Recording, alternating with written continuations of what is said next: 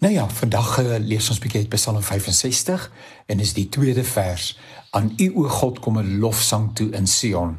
Geloftes moet betaal word aan U wat die gebed verhoor. Geloftes moet betaal word aan U wat die gebed verhoor. O aarde. Ek dink die teks kan 'n mens 'n bietjie laat bloos. Geloftes wat aan die Here betaal moet word, sê die digter. nou ja, wanneer ons in die nou toe kom en dinge nie uitwerk soos ons gehoop het nie, gebeur dit mos dat ons die Here opsoek, nê? En op die manier word die Here eintlik net 'n noodmateriaal. Want wanneer dinge vlot gaan en uh, ons is stewig aan die gang, nou ja, dan is ons mos vergeet eh, is ons geneig om die Here te vergeet. En uh, dan gebeur wat met elkeen van ons gebeur.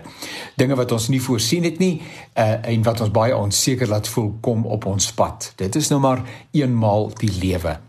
Iemand het gesê jy's of in 'n krisis of jy kom uit 'n krisis uit of jy's op weg daarheen.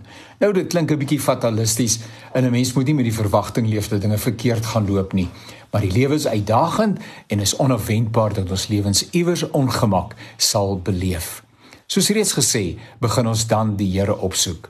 En afhangend van hoe erg uh, die krisis is, hoe meer dringend klop ons aan die deur van die hemel, nê, nee, van die Here as die saak nie opgelos is nie en die spul die potensiaal het om ons en ander mense se lewens erg te ontwrig, dan begin ons beloftes maak. Here, as U my help, beloof ek ek sal nooit weer nie. Of Here, as U my help, beloof ek ek sal van nou af.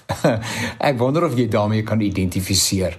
Waarskynlik En ek wonder hoeveel sulke beloftes is daar wat nooit gerealiseer het nie en wat op elkeen van ons se kerfstok staan. Die teks maan ons om ons beloftes na te kom. Luister saam met my na wat die prediker oor die saak van beloftes sê.